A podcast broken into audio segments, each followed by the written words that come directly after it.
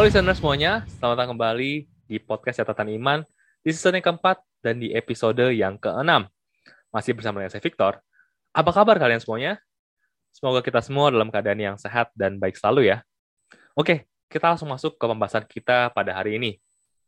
Nah, sebenarnya ya, topik yang hari ini saya mau bahas itu adalah topik yang telah saya siapkan untuk beberapa minggu yang lalu, yaitu topik yang akan saya angkat berdekatan dengan hari Imlek. Tapi karena pada hari itu saya sempat sakit, seperti yang saya sudah mention ya di episode yang lalu, saya sakit waktu itu saya, saya positif COVID dan harus istirahat dan nggak sempat prepare kontennya, maka baru hari ini nih saya sempat untuk uh, angkat kembali konten ini. Dan menurut saya uh, konten ini adalah konten yang cukup penting ya. Topik ini topik yang penting karena menurut saya topik ini everlasting sih.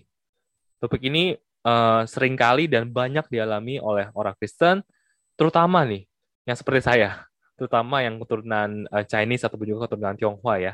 Jadi hari ini kita akan membahas mengenai sebenarnya orang Kristen itu boleh gak sih sembayang gitu ya? Apakah orang Kristen itu boleh gak sih pegang hiyo gitu ya? Karena kan seperti kita tahu ya, bahwa biasanya itu sebelum merayakan Imlek ada tradisi di mana orang keturunan Tionghoa itu akan sembayang dulu ya, akan sembayang baik ke leluhurnya ataupun juga mungkin ke orang tuanya atau juga ke keluarga yang telah meninggal gitu. Nah, saya melihat bahwa terkait dengan hal ini tuh ada banyak sekali pro kontra gitu ya di, di kalangan orang Kristen gitu. Ada yang bilang bahwa oh nggak apa-apa gitu. Oh nggak apa-apa kan coba kan cuma pegang hiu doang gitu kan. Yang penting kan hati kita tetap kepada Tuhan. Kan ini cuma sekedar apa yang tampak di luar dan Tuhan itu kan melihat hati. Jadi nggak masalah lah orang Kristen pegang hiu gitu ya. Ada juga yang pendapat bahwa ya nggak apa-apa lah daripada ribut sama um, keluarga gitu kan kan lebih, lebih baik menjaga keharmonisan keluarga. Ini yang Tuhan mungkin lihat lebih penting gitu ya. Tapi di sisi lain ada juga yang kontra gitu. Ada yang bilang bahwa, wah kan nggak boleh gitu kan. Itu kan e, berlainan ataupun juga berlawanan dengan value kita sebagai seorang Kristen. Dan banyak lagi hal-hal lainnya. Dan ini juga yang sempat membuat saya struggle gitu sebagai orang Kristen. Sebenarnya boleh apa enggak sih gitu ya. Nah, jadi um, tension inilah yang akan kita bahas pada episode kali ini. Tapi back again, sekali lagi, saya mau disclaimer dulu di awal, bahwa apa yang akan uh, saya bahas pada hari ini adalah pendapat saya ya. Pendapat saya dari apa yang saya pelajari. Jadi mungkin di luar sana mungkin ada teman-teman yang punya pendapat lain, ya boleh, nggak apa-apa gitu. Jadi teman-teman bisa uh, pikirkan sendiri ya, dari apa yang teman-teman dengarkan hari ini, apakah ini uh, sesuai apa enggak sih dengan value kekristenan yang teman-teman pegang gitu. Oke, jadi mungkin saya akan mulai dengan sedikit sharing mengenai pengalaman saya pribadi ya. Karena topik ini saya mau angkat karena ini juga berasal daripada struggle saya gitu bahwa sebelum Imlek uh, saya juga ada tradisi sembayang ya kepada papa saya sudah meninggal dan juga kepada kakek nenek yang juga sudah meninggal gitu. Nah, pada awal-awal masa saya menjadi Kristen itu saya merasa bahwa nggak masalah gitu untuk seorang Kristen itu pegang hio gitu. Saya juga sempat mendengar ada uh, cerita dari teman yang di mana dia bilang bahwa mentornya di gerejanya sempat bilang bahwa nggak masalah gitu. Karena kan yang penting adalah keharmonisan keluarga gitu kan. Dan yang penting kan akan apa yang ada di hati kita gitu. Kita bisa aja pegang hiu tapi kita sebenarnya doa sama Yesus gitu. Jadi sebenarnya pegang hiu tuh nggak masalah gitu. Dan itu akhirnya membuat saya ya tetap pegang hiu gitu. Tapi sering berjalan waktu ada banyak hal yang saya pelajari yang akhirnya tuh merubah pemikiran saya mengenai hal ini. Dan itulah yang mau saya share pada hari ini gitu ya. Nah tapi sebelum saya masuk kepada uh, topik di mana boleh gak sih orang Kristen itu pegang hio atau juga sembahyang, mungkin menurut saya terlebih uh, dahulu kita perlu mengetahui sama-sama nih. Penting untuk kita tahu bahwa sebenarnya apa sih perbedaan pemahaman kematian baik di tradisi uh, Tionghoa ataupun juga di Kristen. Karena sebenarnya ini nih yang jadi uh, poin pembedanya adalah pengertian ataupun juga ajaran mengenai kehidupan setelah kematian, baik di tradisi Chinese ataupun Tionghoa, ataupun juga di kekristenan. Nah, pertama-tama mari kita bahas dulu nih, dasar kepercayaan orang uh, Tionghoa ya akan kematian. Tapi back again, ini adalah yang saya bahas secara general ya. Mungkin setiap aliran uh, Tionghoa itu memiliki kepercayaan yang berbeda, mungkin. Tapi secara general, inilah yang uh, apa orang turunan Chinese itu percayai. Bahwa yang pertama adalah uh, jiwa seseorang itu tetap hidup walaupun telah mengalami kematian, gitu ya. Jadi uh, apa tradisi Chinese itu percaya bahwa orang itu tuh walaupun sudah mati, tapi jiwa itu masih hidup gitu. Itu yang pertama, itu yang pertama yang mereka percayai. Lalu poin kedua yang mereka percayai adalah bahwa jiwa orang yang telah mati ini harus dibantu perjalanannya untuk ke alam lainnya gitu ya. Dan jika ini tidak dilakukan, maka jiwa yang meninggal ini tuh bisa mengganggu orang yang hidup gitu. Biasanya keluarganya. Makanya mungkin mungkin teman-teman pernah dengar ya dari saudara-saudara yang mungkin keturunan Chinese, mereka bilang gitu ya bahwa kalau saat mereka lupa sembayang, mereka lupa kasih hio, mereka tuh bisa didatangi di mimpi gitu, diingetin di mimpi ataupun juga merasakan gangguan ya dalam kehidupannya sehari-hari. Jadi uh, inilah yang mereka percayai gitu ya. Kalau mereka uh, nggak nggak membantu orang yang telah mati ini masuk ke alam berikutnya, uh, jiwa yang telah meninggal ini bisa mengganggu orang yang hidup gitu ya. Lalu yang ketiga yang mereka percayai adalah bahwa ada keterkaitannya antara kehidupan di bumi dan juga di kehidupan di dunia selanjutnya gitu ya.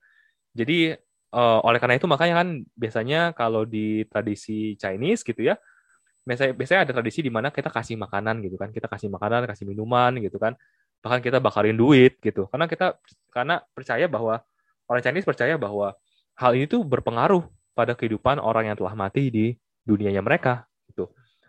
Lalu uh, yang berikutnya adalah uh, mereka percaya bahwa pahala itu bisa didapatkan oleh orang yang telah meninggal melalui apa yang dilakukan oleh anggota keluarganya gitu.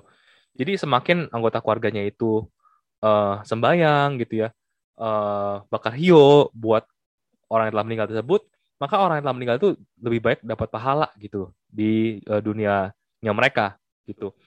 Dan pahala tersebut bisa dilakukan oleh yang hidup dengan berbakti kepada yang meninggal.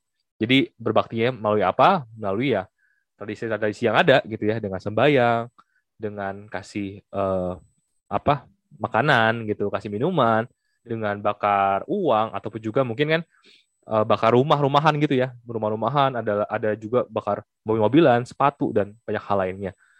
Jadi ini adalah kurang lebih rangkuman singkat ya mengenai apa yang orang Chinese itu percayai mengenai kematian. Nah, Lalu apa sih bedanya dengan apa yang orang Kristen percayai mengenai kematian? Nah, yang pertama, di dalam Kristen eh, kita percaya bahwa jiwa orang yang meninggal itu langsung kembali kepada Tuhan, gitu. Orang yang meninggal itu sudah nggak ada urusan lagi dengan orang yang hidup, gitu. Makanya kita berkata bahwa eh, saat, saat kehidupan kita di bumi itu selesai, itu artinya pertandingan kita sudah selesai, gitu. Ataupun juga kita bisa membaca di uh, Pengkhotbah 9 ya, ayat 5 sampai 6 saya bacakan dalam terjemahan TSI atau terjemahan sederhana Indonesia. Pengkhotbah 9 ayat 5 sampai 6. Karena kita yang hidup tahu bahwa kita akan mati, tetapi mereka yang sudah mati tidak tahu apa-apa. Mereka tidak dapat memperoleh apa-apa lagi, bahkan tidak ada lagi yang mengenang mereka. Rasa kasih sayang, kebencian, dan iri hati yang mereka rasakan selama masih hidup, semuanya lenyap dengan kematian mereka. Untuk sama-lamanya, mereka tidak bisa lagi terlibat dengan apa yang dilakukan oleh orang-orang yang hidup di dunia ini. Jadi kita perlu highlight kalimat yang terakhir ya. Itu dikatakan bahwa untuk selama-lamanya mereka tidak bisa lagi terlibat dengan apa yang dilakukan oleh orang-orang yang hidup di dunia ini lagi. Jadi ini, ini adalah hal pertama yang orang bisa percaya mengenai kematian. Bahwa orang yang meninggal itu sudah nggak ada urusan lagi dengan orang yang hidup. gitu. Hal yang kedua yang kita percaya uh, sebagai orang Kristen ya mengenai kematian bahwa akan ada yang namanya penghakiman. Bagi mereka yang percaya kepada Kristus, itu di kehidupan selanjutnya akan bersama dengan dia selamanya. Tapi sebaliknya, bagi mereka yang selama kehidupannya tidak percaya kepada Kristus, maka di dunia selanjutnya pun mereka akan hidup tanpa Yesus selamanya. Dan gak ada tuh yang namanya pahala yang bisa dilakukan oleh orang yang hidup bagi orang yang telah meninggal. Gitu karena orang meninggal ya mereka bertanggung jawab atas kehidupannya sendiri selama di bumi ini. Dan berikutnya yang kita percaya sebagai orang Kristen adalah bahwa surga itu adalah tempat yang indah. Surga itu adalah tempat di mana tidak ada lagi namanya air mata kesakitan dan tidak ada tidak ada lagi yang namanya kita membutuhkan sesuatu gitu. Kenapa? Karena di surga Tuhanlah yang akan menyediakan segala sesuatu yang kita butuhkan. Jadi kita nggak perlu lagi istilahnya apa ya minta orang yang hidup untuk ngirimin kita gitu. Karena kita sudah nggak lagi butuh sesuatu. Karena Tuhan sendiri yang telah menyediakan segala sesuatunya buat kita di surga nanti gitu. Dan yang terakhir um, yang saya mau sampaikan mengenai apa yang orang Kristen percaya mengenai kematian adalah bahwa orang yang telah mati itu nggak punya kontrol kepada orang yang hidup gitu. Karena orang yang hidup itu sudah dalam naungannya Tuhan gitu ya.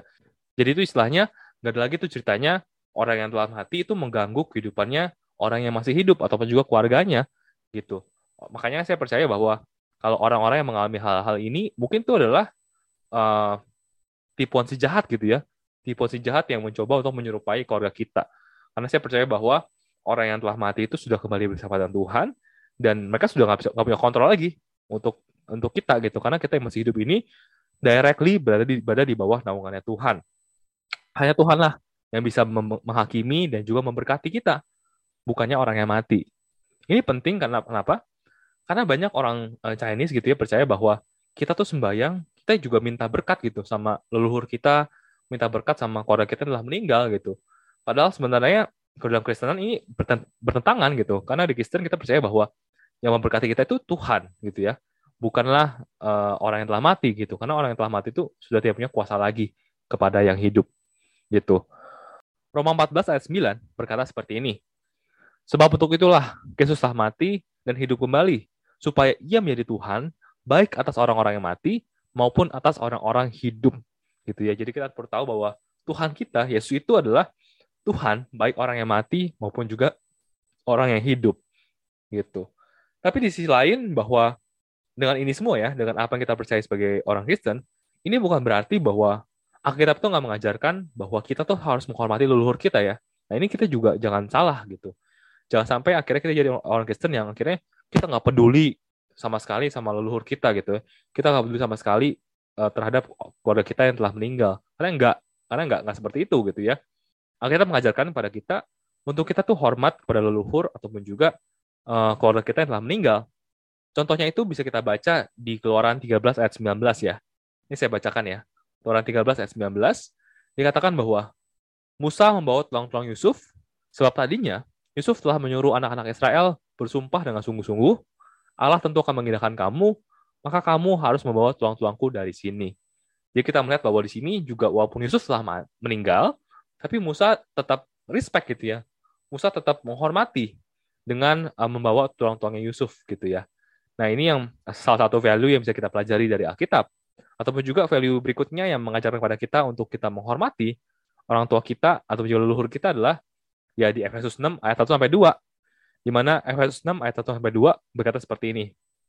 Hai anak-anak, taatilah orang tuamu di dalam Tuhan, karena harus ada demikian. Hormatilah ayahmu dan ibumu, ini adalah suatu perintah yang penting, seperti yang nyata dari janji ini. Jadi di sini nggak nggak dibilang bahwa hormatilah ayah dan ibumu selama masih hidup. Tapi dikatakan bahwa hormatilah ayahmu dan ibumu saja. Berarti ini adalah bahwa kita harus terus terus menerus menghormati ayah dan ibu kita, baik itu selama dia hidup ataupun juga uh, setelah dia meninggal gitu ya. Oke, um, setelah kita mengetahui hal ini semua, setelah kita mengerti makna kematian bagi tradisi Chinese dan juga makna kematian dalam kekristenan, apa sih yang perlu kita lakukan? gitu. Setelah kita tahu perbedaannya, apa sih yang kita perlu lakukan gitu? Nah, menurut saya, yang pasti, kita tuh harus melakukan sesuatu yang nggak bertentangan dengan apa yang kita percayai gitu. Karena nggak lucu ya, kalau kita percaya A, tapi kita melakukan sesuatu tuh yang bertentangan dengan A gitu. Artinya, kita percaya gak sih sama si A ini? Ya kan? Gitu. Begitupun dengan hal ini gitu. Begitupun kalau kita percaya gitu ya, bahwa orang yang telah meninggal ini sudah bersama dengan Tuhan, dan nggak ada lagi yang bisa kita lakukan untuk berefek pada orang tersebut, lalu pertanyaannya adalah kenapa kita melakukan hal yang sebaliknya? Nah, pertanyaan inilah yang akhirnya mulai merubah perspektif saya ya. Dari saya yang tadinya berpikir bahwa ah kan nggak masalah pegang hio, ah kan nggak masalah sembahyang. Yang penting kan hati saya, yang penting kan saat, saat, saat saya pegang hio, saat saya sembahyang itu, saya dalam hati doanya sama Yesus gitu kan. Yesus kan tahu gitu yang ada di hati saya. Yesus kan nggak melihat hanya di luar. Itu itu pemikiran saya sebelumnya. Tapi setelah saya mengetahui hal-hal ini, perspektif saya mulai, mulai berubah gitu. Dan saya akhirnya mulai mulai memiliki pandangan bahwa orang Kristen itu sebaiknya tidak sembahyang dan juga tidak memegang hio gitu. Kenapa? Karena menurut saya ini berhubungan dengan prinsip sih. Ini berhubungan dengan prinsip kita sebagai seorang Kristen. Karena seperti yang saya tadi uh, sampaikan, menurut saya adalah tidak apa ya, tidak baik gitu ya kalau kita percaya sesuatu hal tapi kita melakukan sesuatu yang bertentangan dengan kepercayaan tersebut gitu. Dan menurut saya penting sebagai seorang, kita sebagai seorang Kristen untuk memegang prinsip yang benar gitu. Dan uh, berikut ini saya punya beberapa alasan gitu ya. Beberapa alasan kenapa kita sebagai seorang Kristen perlu memegang teguh prinsip kita ini gitu. Nah, pertama menurut saya alasan uh, yang penting kenapa kita harus memegang prinsip ini adalah bahwa karena karena kesetiaan kita kepada Tuhan itu dipertaruhkan gitu. Karena di dalam Alkitab kan sudah jelas ya, tadi kita sudah bahas mengenai bahwa yang namanya orang yang telah meninggal itu sudah kembali langsung pada Tuhan, dan gak ada yang kita bisa lakukan buat orang yang telah meninggal, dan orang yang meninggal itu juga nggak punya kuasa buat kita orang yang hidup. Jadi kalau kalau Tuhan sudah bilang seperti ini, kenapa kita melakukan yang sebaliknya gitu? Karena artinya kalau kita melakukan yang sebaliknya, itu artinya kita merasa bahwa we know better than God gitu. Kita kita tahu lebih baik daripada Tuhan. Makanya kita melakukan hal-hal yang sebenarnya bertentangan dengan hal itu gitu. Dan ayat yang berkaitan dengan hal ini itu bisa kita baca di Lukas 9 ayat 26. Di mana Lukas 9 ayat 26 berkata seperti ini. Sebab barang siapa malu karena aku dan karena perkataanku, anak manusia juga akan malu karena orang itu. Apabila ia datang kelak dalam kemuliaannya dan dalam kemuliaan Bapa dan malaikat-malaikat kudus. Jadi hopefully apa ya, kita tuh tetap setia gitu sama Tuhan. Jadi kita tetap patuh dengan apa yang Tuhan bilang gitu. Jadi kalau Tuhan bilang A, kita percaya A, ya kita lakukan A gitu. Jangan lakukan hal yang sebaliknya. Nah, alasan kedua yang berkaitan dengan hal yang pertama itu adalah karena kita punya integritas itu diuji gitu. Apakah kita benar-benar melakukan apa yang kita percayai atau enggak gitu. Nah, alasan berikutnya adalah, nah ini yang ini yang uh, saya pernah rasakan gitu ya. Kalau kita nggak memegang prinsip kita, kita bisa jadi batu sandungan buat orang Kristen yang lain gitu kenapa saya pernah uh, kenapa saya bilang saya pernah mengalami hal ini? Karena waktu waktu itu saya pernah uh, pas sembayang gitu ya, saya pernah bilang sama mama sama mama saya bahwa saya nggak mau megang hio gitu. Lalu di situ mama saya berkata, lo kok, lo gitu? Karena uh, mama saya bilang bahwa ada om saya yang orang Kristen juga, dia dia nggak masalah kok pegang hio, dan dia juga justru oke oke aja fine fine aja dengan hal itu. Kok jadi masalah buat saya gitu? Dan di situ akhirnya saya jadi susah gitu, serba susah. Jadi kesannya bahwa seakan-akan bahwa saya itu orang Kristen yang kaku dan juga sombong, dan om saya itu orang Kristen yang toleran gitu. Padahal sebenarnya kan nggak seperti itu kan. Karena sebenarnya memang secara value bertentangan. Tapi karena ada orang Kristen yang menganggap hal itu nggak masalah, nah ini yang akhirnya jadi batu sandungan buat saya gitu, secara pribadi. Jadi menurut saya, dengan kita memegang prinsip, sebenarnya kita sebenarnya sedang memudahkan langkah orang-orang Kristen lainnya untuk juga bisa memegang prinsip yang sama sebenarnya gitu. Lalu alasan berikutnya, itu alasan keempat, kenapa kita perlu memegang prinsip ini, adalah supaya kesaksian kita itu jadi punya arti gitu. Karena istilahnya begini nih, kalau kita nggak berani berdiri atas apa yang kita percayai, lalu saat kita sharing apa yang kita percaya ini kepada orang lain, bobotnya itu apa gitu. Buat apa orang itu percayai sama apa yang kita percayai, kalau apa yang kita percaya saya, kita nggak jalanin gitu. Jadi menurut saya ini pentingnya sih kita memegang apa prinsip kita adalah supaya kesaksian kita itu punya bobot gitu. Dan yang terakhir adalah um, ini berkaitan dengan hal yang ketiga sih adalah supaya kita nggak bingung buat bingung orang non Kristen gitu. Nah ini yang kayak, kayak tadi kayak mama saya sempat rasakan gitu. Mama saya jadi bingung gitu kan. Orang Kristen A bilang boleh, orang Kristen B bilang nggak boleh. Jadi Kristen tuh kayak gimana sih? Gak jelas gitu. Nah supaya orang non Kristen ini nggak berpikir bahwa Kristen ini nggak jelas, maka kita sebagai orang Kristen tuh harus firm gitu. Ya kata ya, nggak kata nggak gitu. Jangan kita melakukan sesuatu yang sebenarnya berlawanan dengan apa yang kita percayai gitu. Tapi ada dan that, saya tahu bahwa apa ya, uh, mengerti akan hal ini mungkin mudah gitu ya. Tapi melakukannya, mengaplikasikannya, berkata hal ini kepada mungkin atau juga juga menjelaskan, menjelaskan hal ini kepada keluarga kita itu sulit gitu ya. Terutama buat keluarga kita yang mungkin sudah punya tradisi yang cukup kuat ya. Tradisi Chinese yang cukup kuat di mana setiap tahunnya itu udah, udah pasti uh, sembahyang, udah pasti pegang kio dan uh, segala macam. Itu pasti berat banget. Saya saya mengerti buat teman-teman semua untuk bisa apa ya bilang say no untuk bisa uh, reviews untuk bisa menolak gitu ya untuk ikut sembahyang ataupun juga untuk megang hio itu pasti pasti berat banget gitu tapi menurut saya uh, ini perlu kita lakukan pelan-pelan gitu. Dan ini saya percaya bahwa bisa kita lakukan asalkan dengan attitude yang tepat gitu. Jadi uh, di bagian terakhir daripada podcast ini saya mau share mengenai tips eh, tips-tips sih, tips-tips yang mungkin kita bisa lakukan untuk apa ya, untuk memudahkan kita untuk bisa merubah sih, merubah sehingga kita nggak lagi uh, melakukan sesuatu yang bertentangan dengan apa yang kita percayai gitu ya. Nah ini ini saya share bukan berarti saya juga sudah sudah melewatinya dan saya sudah berhasil nggak juga. Saya juga masih struggling.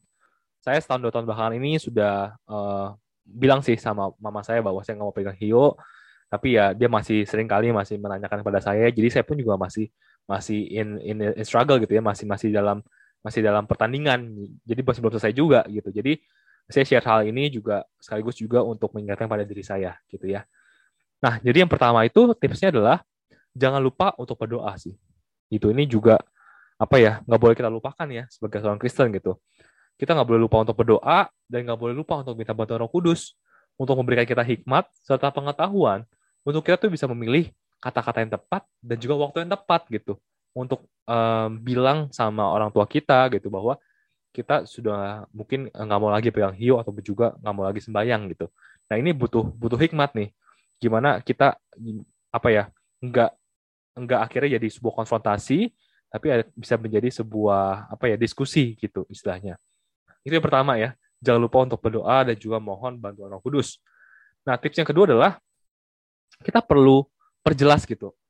Alasan kenapa kita menolak. Jadi kita nggak boleh bilang nggak mau gitu. Nggak mau karena saya jadi orang Kristen gitu. Nggak boleh juga gitu. Karena menurut saya uh, alasan-alasan yang seperti inilah sebenarnya sebenarnya memicu pertengkaran gitu. Alasan-alasan yang yang nggak jelas gitu. Jadi menurut saya kita perlu perjelas lagi kenapa kita menolak ataupun juga kita nggak mau lagi berpartisipasi dalam tradisi tersebut gitu. Kita bilang bahwa bukannya kita nggak menghormati tradisinya, bukan kita nggak menghormati leluhur kita, tapi sebenarnya ini hanyalah perbedaan pandangan, perbedaan pandangan akan jiwa yang telah meninggal tersebut. Yang tadi kita sudah sempat bahas di awal gitu.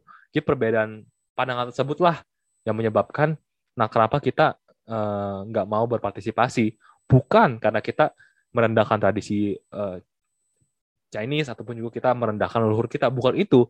Nah ini yang kita perlu perjelas karena sering kali mungkin yang ditangkap oleh orang tua kita adalah kita tuh nggak hormat gitu sama tradisinya dan ataupun juga kita nggak kita tuh kurang ajar sama leluhur kita. Which is sebenarnya bukan itu, bukan itu motivasi kita. Kita tetap menghormati leluhur kita, tapi masalahnya hanyalah perbedaan kepercayaan mengenai jiwa yang tersebut, jiwa yang telah meninggal tersebut. Jadi itu yang kita perlu perjelas. Nah, tips yang ketiga adalah kita juga perlu follow up dengan tindakan gitu ya. Jadi kita kalau di alasan kedua kita bilang tadi kan bahwa kita perjelas alasannya bahwa kita juga sebenarnya menghormati kok, tapi uh, kita hanya berbeda pandangan. Nah yang ketiga kita nggak nggak cukup sampai di, di, di apa di ucapan doang gitu, tapi kita juga perlu me, memfollow upnya dengan sebuah tindakan. Contohnya apa sih? Contohnya adalah apakah selama ini kita sudah memberikan perhatian yang cukup buat sih buat orang tua kita? Jangan sampai kita bilang bahwa kita hormati kok leluhur, kita hormati orang tua, tapi selama ini kita nggak pernah gitu kasih perhatian sama orang tua kita gitu. Jadi orang tua kita mungkin akan melihat bahwa ah ini mah alasan doang gitu. Karena saya nggak melihat bahwa tindakan nyata dari dari kehidupan kamu gitu. Jadi jangan sampai seperti itu gitu. Jadi kita juga perlu beri perhatian khusus buat orang tua kita yang hidup ya gitu. Apakah selama ini kita taat gak sih? Hormat gak sih sama orang tua kita? selama ini kita taat gak sih? Kita hormat gak sih sama orang tua kita gitu? Atau enggak selama ini misalkan orang tua kita butuh bantuan, kita ada bantu gak sih? Misalkan kita support secara finansial ataupun juga kita support dalam hal-hal lain yang mereka butuhkan gitu. Adakah kita mengekspresikan rasa hormat kita gitu sama orang tua kita? Sehingga akhirnya saat kita berkata bahwa kita menghormati orang tua kita tapi bukan dengan cara sembahyang, itu mereka bisa mengerti karena mereka merasakan selama ini bahwa iya kok anak saya memang menghormati saya gitu.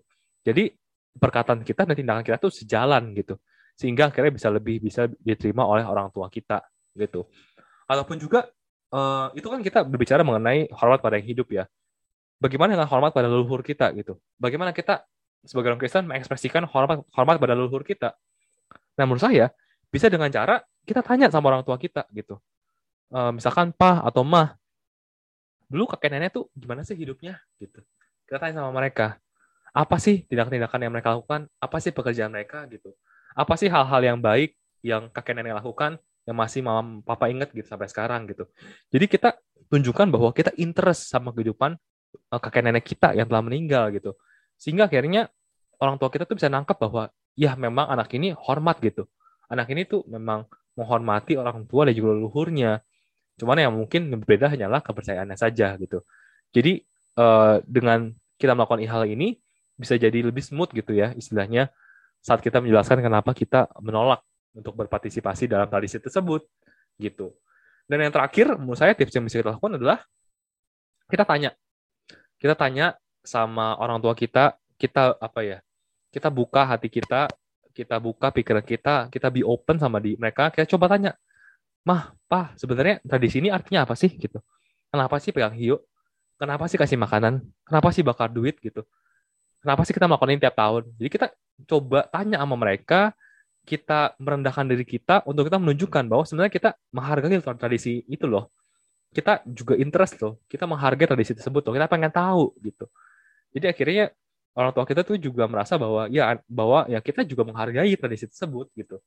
Jadi saat kita bilangkan tadi ya bahwa kita menolak untuk memegang hiu misalkan karena um, kita beda kepercayaan bukan karena kita tidak menghormati tradisi ataupun juga leluhur, maka orang tua kita bisa mengerti gitu. Karena dia melihat bahwa kita tuh mau menghargai orang tua dengan tindakan kita dan juga mau menghargai tradisi dengan mau tahu gitu. Jadi hopefully dengan empat tips ini ya, bahwa mungkin saya recap sedikit. Pertama itu jangan lupa untuk berdoa dan minta bantuan Roh Kudus. Yang kedua adalah perjelas alasan kita menolak. Yang ketiga adalah follow up dengan, dengan tindakan.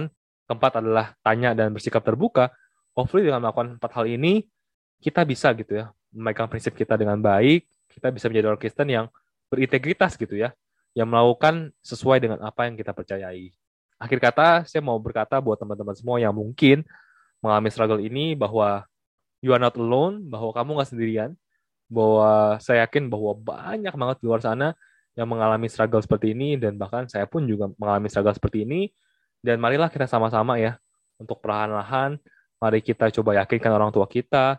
Mari kita coba juga tunjukkan kepada mereka bahwa alasan kenapa kita menolak sehingga akhirnya mereka bisa mengerti gitu.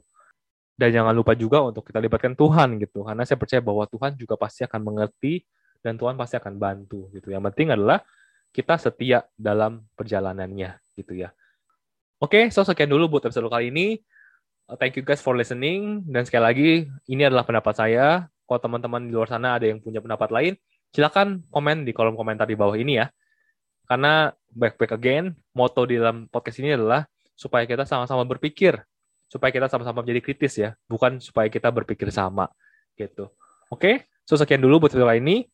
Nah, buat teman-teman semua yang punya ide-ide ataupun juga topik-topik menarik yang bisa kita bahas di episode berikutnya, bisa langsung direct message saya di @victoritia ataupun juga uh, di @prisaiman.id. Dan buat teman-teman semua yang mungkin mau nonton secara visual itu bisa langsung aja nonton di uh, channel YouTube Presai Iman. Oke okay guys, so sekian dulu buat episode kali ini. See you in the next episode. God bless.